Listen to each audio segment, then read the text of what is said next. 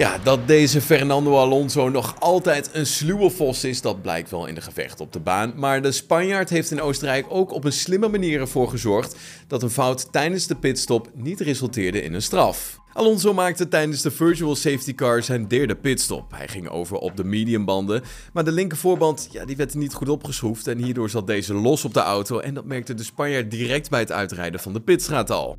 In plaats van over de boordradio aangeven dat zijn wiel los zat, vertelde hij simpelweg dat hij opnieuw de pitbox moest inkomen. Nou, daardoor viel het voorval niet direct op bij de wedstrijdleiding, al moest Alpine zich na de wedstrijd alsnog bij de wedstrijdleiding melden om tekst en uitleg te geven. Alonso werd bij de stewards gevraagd om uitleg te geven waarom het wiel nu precies was losgeraakt. Het team zou namelijk een straf kunnen krijgen als het niet kan aantonen dat de wagen van Alonso weer veilig de baan op heeft gestuurd. Door het subtiele radiobericht van de Spanjaard viel het niet direct op dat de band echt los zat. Nou, de oud-kampioen hield het bij een kleine trilling en zo was ook terug te zien op de beelden. Had Alonso tijdens de boordradio aangegeven dat zijn band echt los zat, dan kon het team waarschijnlijk rekenen op een straf. Ja, de FIA heeft de teammanager van Alpine nog op het matje geroepen om de pitstop eh, nog maar eens een keer uit te leggen. Volgens de manager voelde alles tijdens de stop gewoon normaal aan en ook de lichaamstaal van de monteurs lieten geen twijfel zien.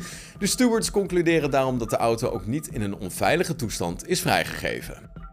En IndyCar-coureur Colton Hurta gaat vandaag en morgen namens het team van McLaren een Formule 1-test afwerken op Portimao. Dit zal hij doen in de McLaren MC35M, de auto van afgelopen seizoen. Later dit jaar mag hij waarschijnlijk nog een vrije training namens de Britse formatie afwerken. De 22-jarige Amerikaan wordt regelmatig gelinkt aan een transfer naar de koningsklasse in Europa, maar momenteel gooit hij hoge ogen in de IndyCar-series.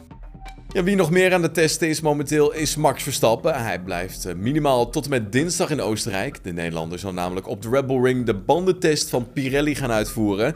De Italiaanse bandenleverancier is volop bezig met de ontwikkeling van de 2023 band. Wat trouwens ook leuk is om te melden is dat wij eh, als een van de eerste tickets voor de Grand Prix van Oostenrijk 2023 hebben. Wil je daar meer info over? Check dan gpfans.com. Heb je genoten van deze aflevering? Laat je dan horen op onze Apple Podcast pagina of vergeet ons niet te volgen op Spotify. Tot dan. Hoi.